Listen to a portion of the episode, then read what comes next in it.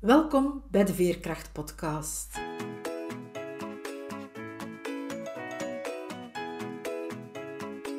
Ik ben Veerle Schaltien, levensverhalen en schrijfcoach. Met mijn bedrijf Wiebelwoorden trek ik voluit de kaart van veerkracht. Voor deze podcastreeks interview ik veerkrachtige vrouwen. Het zijn vrouwen zoals jij en ik, die soms wel eens het hoofd laten hangen, maar die er vooral telkens opnieuw in slagen weer overeind te krabbelen, die telkens opnieuw de moed hebben om door te gaan, die ondanks alles ten volle in het leven staan en elke dag waardevol weten te maken. Hoe ze dat doen, vertellen ze je heel openhartig. Luister, snoep van hun woorden en laat je inspireren door hun verhalen, want als zij het kunnen, kan jij het ook. Dag Tini, welkom. Dag Veerle. Ik heb jou nog niet zo heel lang geleden leren kennen. Ik zag iets verschijnen dat jij vrouwencirkels organiseerde online in deze periode. En omdat ik zelf heel veel nood heb aan verbinding met andere mensen, met andere vrouwen ook zeker, heb ik op zo'n cirkel ingetekend. En dan nadien zijn wij een keertje samen gaan wandelen ook. En heb ik ontdekt dat je eigenlijk een heel boeiende vrouw bent, die toch wel een aantal dingen te vertellen heeft. En daarom heb ik jou uitgenodigd voor deze podcast. Dankjewel, Veerle. Kan jij jezelf eens voorstellen? Zeker. Mijn naam is Tini Sanders. Ik ben 38. Ik ben afkomstig uit de Noorderkempen, maar voor de liefde van mijn leven verhuisd naar Heist op den Berg. Mijn hoofdberoep is leerkracht in het secundair onderwijs en in bijberoep ben ik vorig jaar gestart met het geven van vrouwencirkels, omdat ik ook die nood voelde om die bezielde verbinding te ervaren, zeker in de tijd waarin we nu leven. En ondertussen mag ik ook opleidingen geven, dus andere mensen leren hoe ze hun eigen cirkels kunnen opzetten. Hoe ben je daar eigenlijk toe gekomen? Ik denk dat er allee, een heel proces aan, aan vooraf gegaan is. Misschien kan je van het allerbegin beginnen vertellen. Ja, in, uh, in 2016 kwam ik erachter dat ik een relatieverslaving had en of heb. En toen ben ik in een vrouwenpraatgroep terechtgekomen in Breda. Ik woonde toen in Wustwezel, dus dat was een half uurtje rijden. En dat was de Norwoodgroep. Ik ben daarbij terechtgekomen omdat ik een boek gelezen had en dat boek heeft mijn leven toch wel veranderd. Um, het boek wat ik bedoel is Als hij maar gelukkig is, geschreven door Robin Norwood. En in het Engels is de titel Women Who Love Too Much.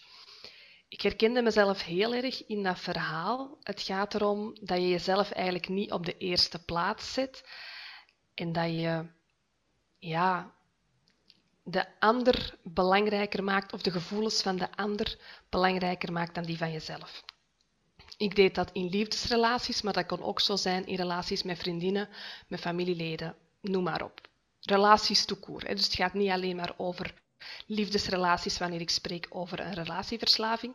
En heel dicht daaraan gelinkt is codependency. Dus uw eigen waarde laten afhangen van de goedkeuring van andere mensen en proberen een soort van controle uit te oefenen daarover. Terwijl dat ik nu ondertussen geleerd heb dat je eigenlijk geen controle hebt over wat andere mensen denken of doen, alleen maar over jezelf.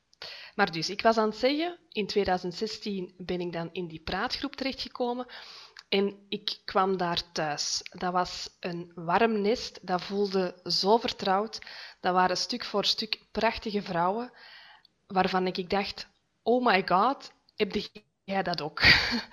ik kon dat niet geloven dat die um, tegen dezelfde problemen aanliepen in relaties, in hun leven.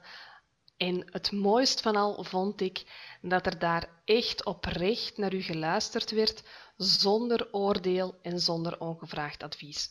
Want ik kon mijn verhaal natuurlijk wel kwijt in mijn omgeving, maar de mensen willen u heel graag helpen.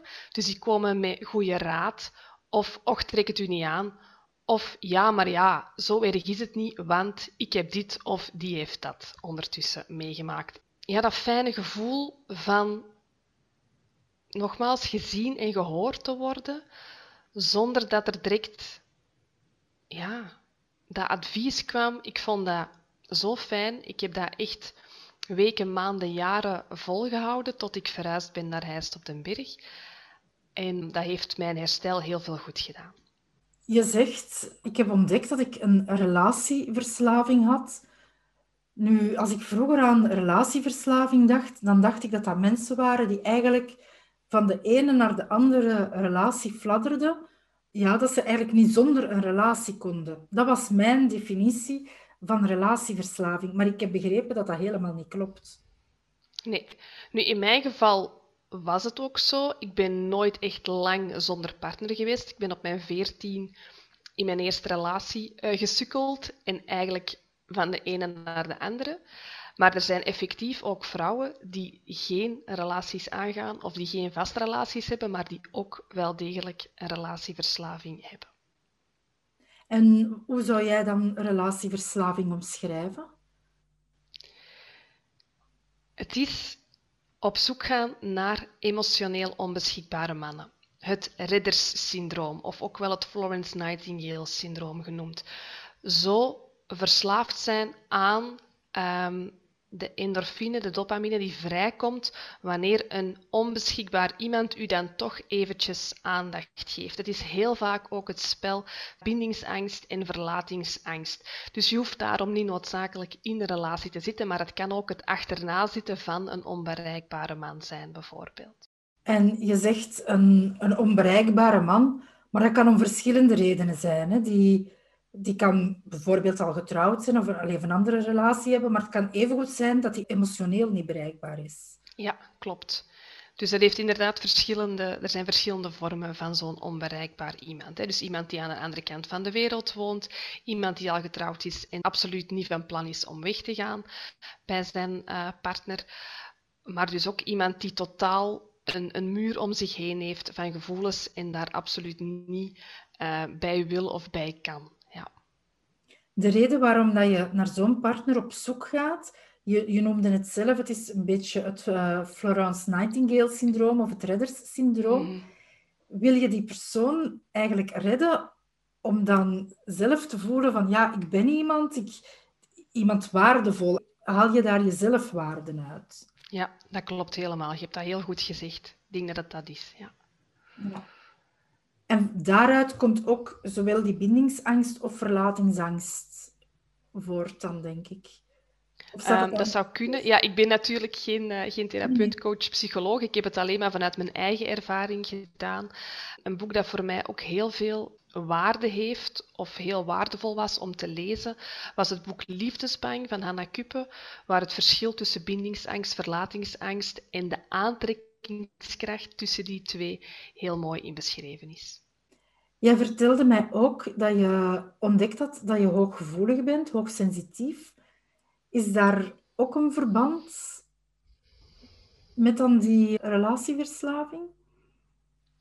Ik, ik voel precies van wel, maar ik denk niet dat dat al wetenschappelijk onderzocht is. Ik heb het pas aan iemand gevraagd die, uh, die daar ook mee werkt, met die HSP en het feit dat iemand die dus hoogsensitief is, heel vaak aangetrokken wordt door een narcist. En narcisten dus heel vaak op zoek gaan naar prooien in de vorm van hoogsensitieve vrouw, inderdaad. Nu hebben we eigenlijk een beetje ingezoomd op wat die relatieverslaving is, maar je bent daar wel heel veerkrachtig mee omgegaan. Je bent dan naar die praatgroep gegaan.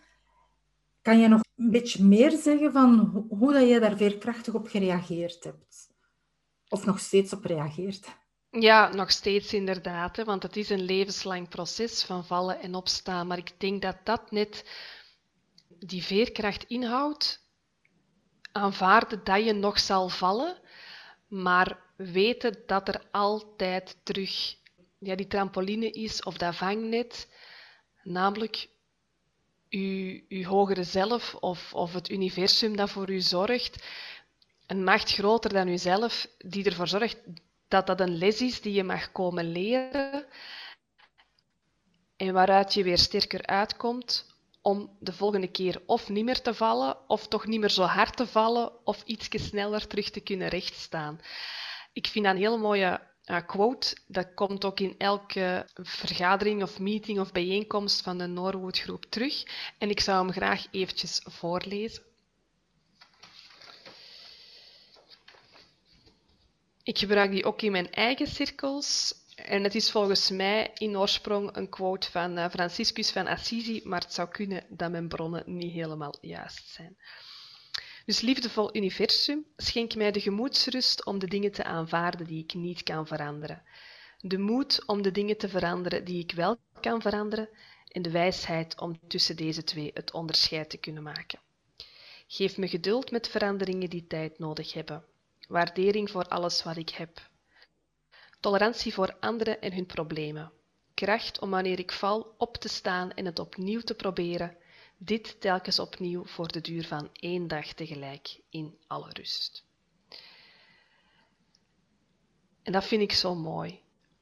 We zeggen vaak, of we stellen die beslissingen uit en we gaan het opnieuw proberen. Ik maak goede voornemens voor 1 januari of volgende week maandag of op die of die datum, dan begin ik eraan. Maar ik vind het zo mooi aan veerkracht dat je jezelf liefdevol kan vergeven voor de fouten die je maakt en zegt: niet meer, het is gedaan. Ik knip in mijn vingers en ik begin nu op dit moment opnieuw. Mijn leven verandert nu. Ik heb een fout gemaakt, dat was misschien al de tiende keer dat ik die fout gemaakt heb, maar nu is het genoeg geweest. Stel dat ik die fout nog maak, ik blijf mezelf liefdevol vergeven. Het is oké. Ik ben een mens, ik maak fouten. Dat is de bedoeling van het leven hier. En elke keer opnieuw terug kunnen rechtstaan en zeggen: Hier ben ik, let's do this. Dat is een hele mooie, want ik denk dat er heel veel mensen zijn die, die wachten tot morgen of volgende week of een nieuw jaar. Of zelfs totdat ze eerst iets bereikt hebben en dan gaan ze pas de actie nemen om dat te bereiken. Maar ja, daar klopt het. Daar loopt het al fout, want dat klopt natuurlijk. Ja. Niet, pas als ik dat heb, dan kan ik dat doen en dan ga ik gelukkig zijn. Terwijl het eigenlijk de bedoeling is om het om te draaien, om het om te denken. Maar dat vraagt wel wat van uw geest. Hè. Als je nu al in dit moment gelukkig kan zijn en dankbaar kan zijn voor alles wat er wel is, en je op die manier gaat gedragen, dan ga je uiteindelijk ook alles hebben waar je zo naar verlangt. Maar dat is inderdaad een heel andere insteek. En dat lukt mij ook niet 100% van de tijd, maar dat lukt mij wel steeds beter. En van daaruit wil ik ook andere vrouwen inspireren. Kijk eens, als ik het kan, dan kun jij het ook. En dankbaarheid is daar, daarin een grote pijler veronderstel ik. Absoluut, absoluut. Ja, ik begin en ik eindig elke dag met dankbaarheid. Hoe, hoe doe je dat? Kan je dat misschien eens vertellen? Ja, s ochtends als ik wakker word, dan nog voor ik uh, mijn meldingen aanzet op mijn telefoon, dus ik zet hem eerst op niet storen en dan de vliegtuigstand uit.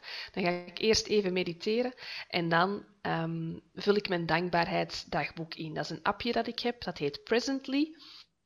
Ik hou niet zo van typen, maar er is gelukkig een inspreekfunctie op je gsm. Dus ik babbel gewoon tegen mijn gsm en die typt dat dan. Ik probeer tien dingen te noemen waar ik dankbaar voor ben. Dat zijn heel vaak dezelfde dingen. Omdat ik dat nog van in mijn bed doe, is dat 9 van de 10 mijn bed en het feit dat er daar zo warm en zacht is, bijvoorbeeld. Ik zeg ook waarom ik daar zo dankbaar voor ben. Heel belangrijk om vanuit dankbaarheid te starten voor alles wat er wel is, in plaats van te focussen op alles wat er nog niet is. En s'avonds, ik heb een, heel mooi, uh, een hele mooie edelsteen naast mijn bed liggen. Dat is een trucje dat komt uit het boek The Secret van Rhonda Byrne over de wet van de aantrekkingskracht of de Law of Attraction. En dat is een heel mooie steen. En dan pak ik die vast en dan zeg ik nog eens even dankjewel voor het mooiste wat er die dag is gebeurd. De bedoeling dat je je dag start en eindigt met dankbaarheid, zodat ook je nacht wat rustiger wordt en je ook weer um, ja, een fijnere nachtrust hebt in plaats van al piekerend in slaap te vallen.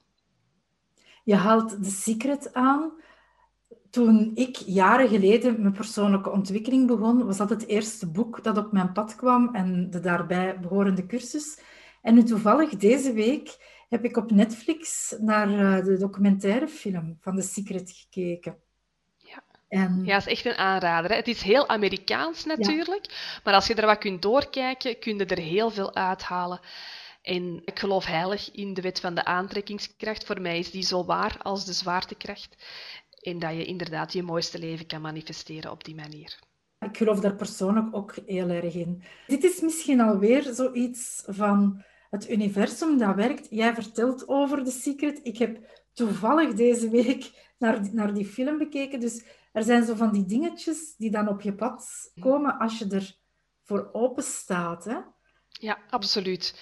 Ik ken daar helemaal niks van, van hoe dat werkt met frequenties en trillingen en chakras, maar ik merk wel dat hoe meer ik mij openstel, hoe meer ik mijn maskers afgooi, hoe authentieker ik word en mij ook blootgeef, en dan bedoel ik het wel figuurlijk, op sociale media bijvoorbeeld, hè, dat de mensen die op mijn pad komen, de mensen die ik begin aan te trekken, dat dat inderdaad ook allemaal vrouwen zijn die bezig zijn met spiritualiteit, met persoonlijke ontwikkeling, met de wet van de aantrekkingskracht, met manifesteren, met de beste versie van zichzelf willen zijn. En dat doet mij ongelooflijk veel deugd en plezier. Als je dan zo gelijkgestemde mensen tegenkomt, dan voel je die verbinding weer, die dat je toch ook nodig hebt om veerkrachtig in het leven te kunnen staan. Hè?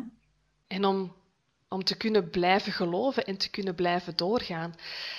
Um, ze zeggen wel eens, je bent de optelsom van de vijf mensen waar je het, het meest mee omgaat of zoiets. Ik weet niet precies hoe die zin gaat, maar je kan inderdaad ervoor kiezen om bijvoorbeeld op sociale media allemaal uh, negatieve dingen te volgen of mensen die u een slecht gevoel geven over, over uzelf of waarvan je altijd maar terug wilt afvallen of denkt, oh my god, ik ben zo niet, ik, pas niet in die bikini. Of je kunt ervoor kiezen om al die mensen te gaan ontvolgen, die hashtags te ontvolgen en u alleen nog maar te omringen met zachte, liefdevolle accounts waar je naartoe aangetrokken voelt en eens te kijken wat er inderdaad dan gebeurt in je leven met je frequentie en hoe dat je jezelf gaat voelen. Dat vind ik een hele mooie om ook mee te geven aan de luisteraar, want we worden op sociale media zo overdonderd door van alles en nog wat. En vaak ja, zijn er heftige discussies, lelijke discussies zelfs. En ja, iedereen zal dat waarschijnlijk al wel eens ervaren hebben, hoe dat, dat je naar beneden haalt. Maar er staan evengoed heel veel mooie dingen op sociale media. En als je die kan aantrekken, als je die gaat lezen, dan ga je inderdaad zelf op een hogere frequentie functioneren, zoals we dat dan noemen. Ja, ga je gewoon beter in je vel voelen en veerkrachtiger in het leven staan. Hè? Ja, ik durf het mij dan niet zeggen, maar ik heb denk ik al een half jaar, of misschien al wel langer, geen nieuws meer gekeken vanaf dat de grote C in ons land is gekomen. Um, ik vond dat heel dubbel. Vanuit mijn job in het onderwijs kan dat wel. Hè, als leerkracht niet meer naar nieuws kijken, geen kranten lezen maar ik moet zeggen, dat heeft mij ontzettend veel deugd gedaan. Als er iets is wat ik echt moet horen, dan zal ik het wel horen via familie, vrienden, buren, kennissen, weet ik veel. Maar er wordt zo hard gefocust op het negatieve, terwijl we nog nooit ja, in betere tijden hebben geleefd. En ik, ik, ik voel de, de dubbelzinnigheid daarvan. We zitten in een pandemie, maar het heeft ook zoveel mooie dingen gebracht. En het is bijna not done om daarover te spreken. Hoeveel mensen dat er blij zijn dat ze eens wat meer thuis zijn kunnen zijn. Dat er eens wat meer tijd is voor het gezin. Dat er eens gewoon vakantie in eigen tuin en in eigen land mag gevierd worden. Ik ben het met heel veel niet eens, maar ook daarvoor wil ik niet te veel uh, commotie veroorzaken. Maar het feit is, je hebt altijd een keuze. Je bent een vrije mens. Laat u niet, laat u niets wijs maken. Je hebt weten met je hoofd, maar ook weten met je hart en weten met uw buik en uw intuïtie. En wij zitten zo vol met belemmerende overtuigingen die de maatschappij ons oplegt, die wij onszelf opleggen. Als je eens gewoon kunt loslaten en eens echt gaan voelen en verstillen en mediteren en kijken naar uw eigen waarheid en uw eigen kern, wat daar allemaal al in zit, ja, dan heb je echt niet veel meer nodig. Hè? En ik geloof zeker dat deze tijd ons daar een stuk toe uitgenodigd heeft. Alles viel zo een beetje stil en daardoor konden we dichter bij onszelf komen. Tegelijkertijd besef ik dat het voor veel mensen ook geen gemakkelijke tijd is. Ik heb zelf ook een heel heftige periode meegemaakt het voorbije jaar. Hoe is dat eigenlijk bij jou geweest? Want je zegt nu wel van, uh, ik heb er heel veel uitgehaald, ik ben dankbaar voor deze mooie tijd, maar is dat altijd zo vlot gegaan? Ik mis natuurlijk het feit om mensen in het echt te kunnen zien en vooral om mensen te kunnen vastpakken. Ik ben super gezegend dat ik hier woon met de Mark en zijn dochter en dat ik echt wel de mogelijkheid heb om mensen te knuffelen, om aangeraakt te worden en te kunnen iemand aankijken in de ogen. Ik ben blij dat ik met jou ben gaan wandelen vorige week, omdat dat toch niet te vergelijken is met elkaar door een scherm zien.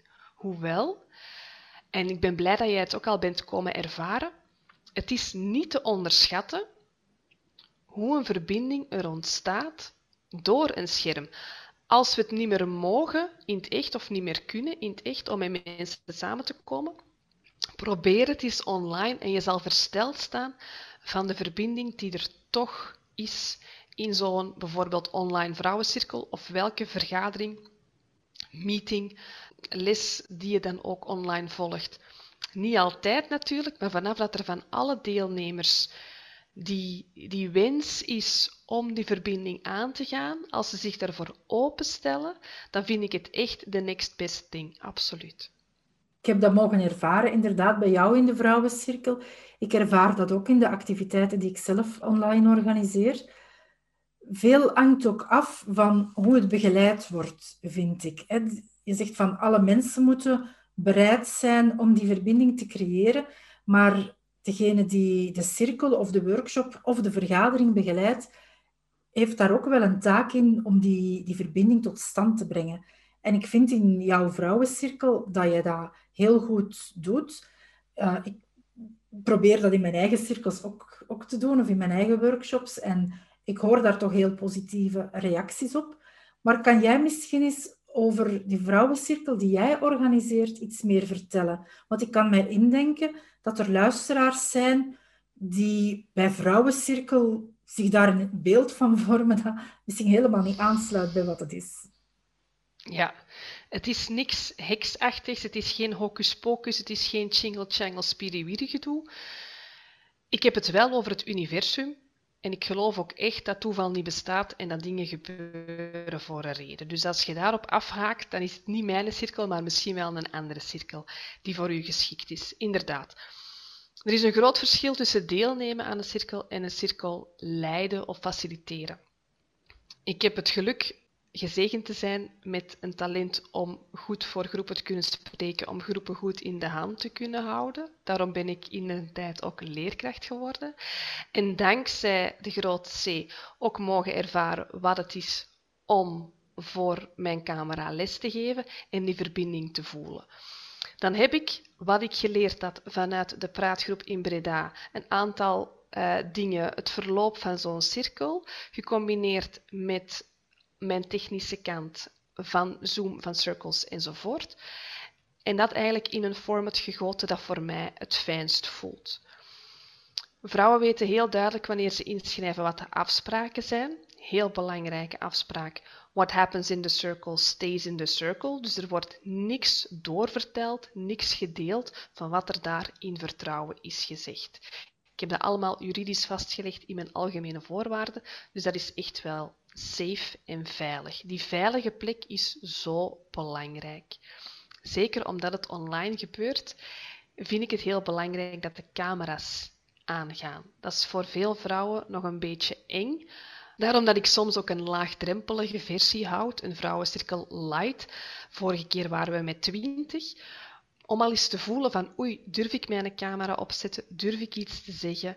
Hoe werkt dat dan? Ik vraag ook geld om naar een cirkel te komen, omdat ik geloof dat er meer toewijding is vanaf het moment dat er een betaling plaatsvindt. Ik heb geleerd van iemand, de transformatie zit hem in de transactie. Wat ik wil bereiken met mijn cirkels is inderdaad dat je gaat transformeren naar een veerkrachtigere vrouw die op een positieve manier in het leven staat en die tegenslagen als kansen leert te zien. In het begin gaf ik wel wat gratis cirkels, maar ik merkte dat vrouwen dan ook vaak terug afbelden of niet kwamen opdagen of toch niet zo'n grote transformatie ervaarden.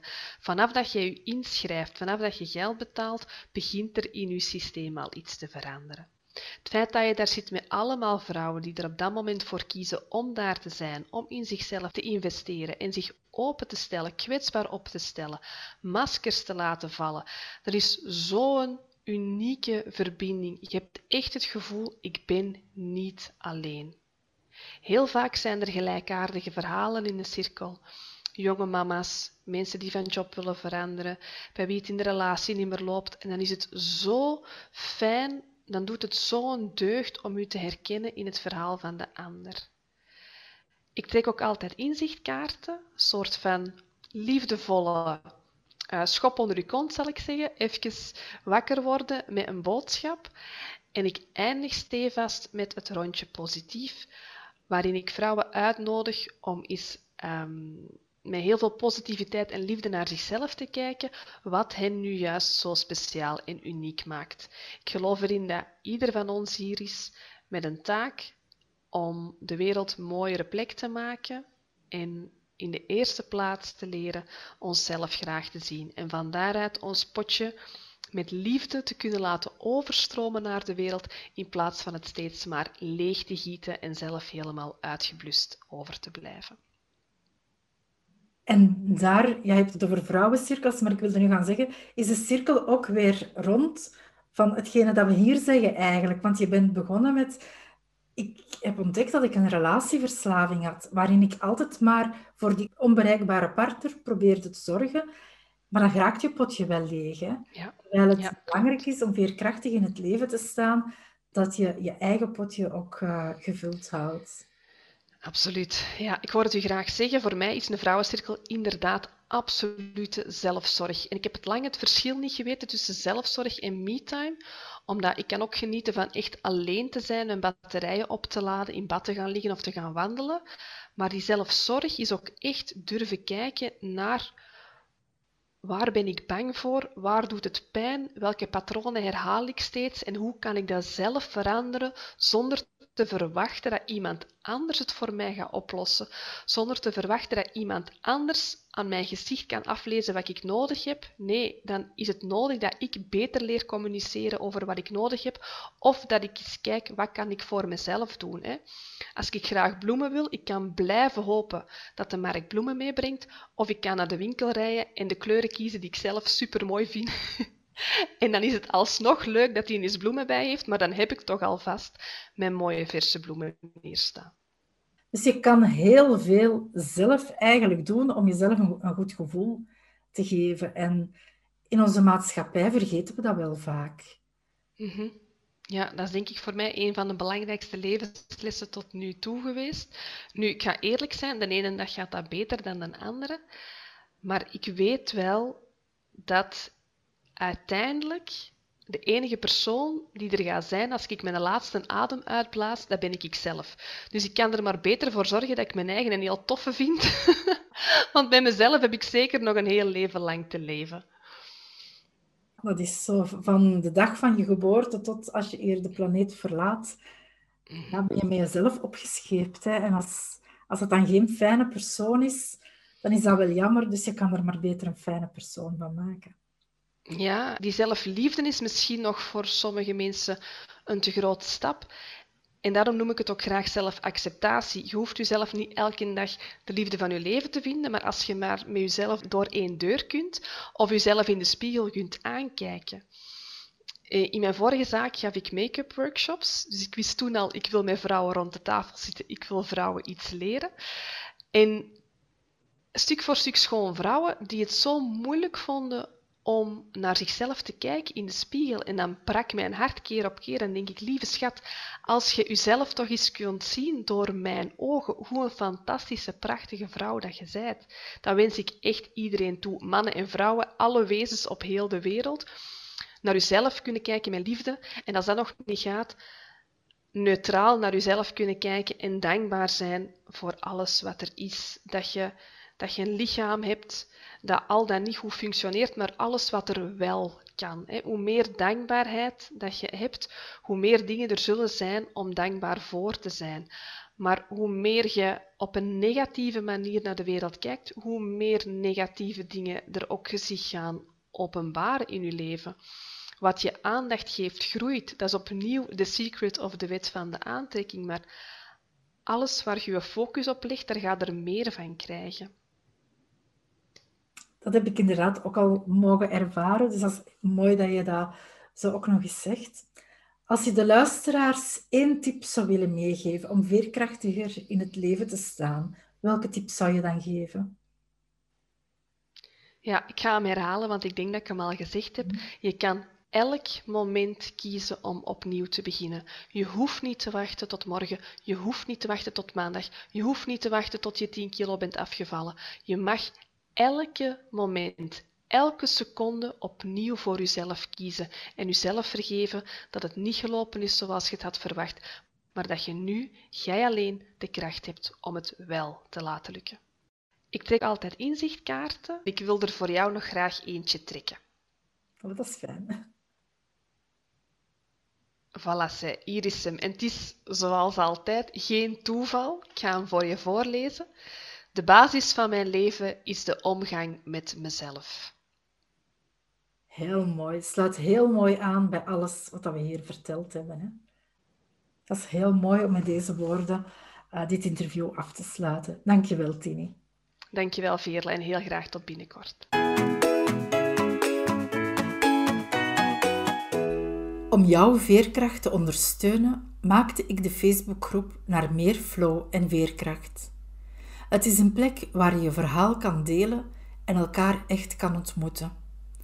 Alles waar Wiebelwoorden voor staat, vind je terug in de groep. Schrijfmomenten en schrijfsels, workshops, creativiteit, cirkels, opstellingswerk, essentiële oliën, visualisaties, inspiratie en tips. En vooral heel veel interactie en verbinding.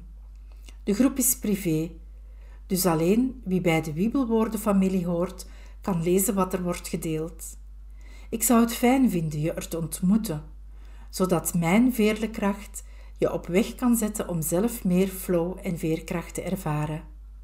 De link naar de groep vind je in de beschrijving bij deze podcast. Je luisterde naar de Veerkracht-podcast. Hartelijk dank hiervoor. Hopelijk heb je even erg van dit veerkrachtige verhaal genoten als ik. Laat je er zeker door inspireren. Ben je benieuwd naar het volgende interview? Of wil je niks van deze podcastreeks missen? Surf dan naar www.wiebelwoorden.be of abonneer je nu meteen gratis op deze podcast via Spotify of een andere podcast-app. De montage van deze podcast was in handen van Johannes Veremans. Nogmaals dank voor het luisteren en graag tot de volgende aflevering.